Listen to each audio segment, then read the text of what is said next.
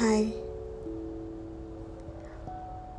hari ini saya belum tanya kabar kamu.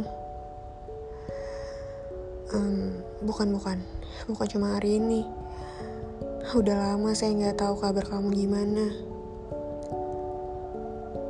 Kamu apa kabar? Saya tahu nanya kabar kamu itu adalah hal paling bodoh yang saya lakuin. Karena udah pasti kamu baik-baik aja. Sangat baik. Karena ada dia. Yang harusnya ditanya kabarnya itu diri saya sendiri. Tapi rasanya saya nggak mau nanya.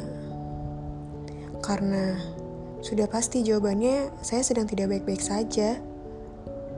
Saya sendiri. Jalan sendiri berjuang sendiri. Semuanya saya lakuin sendiri.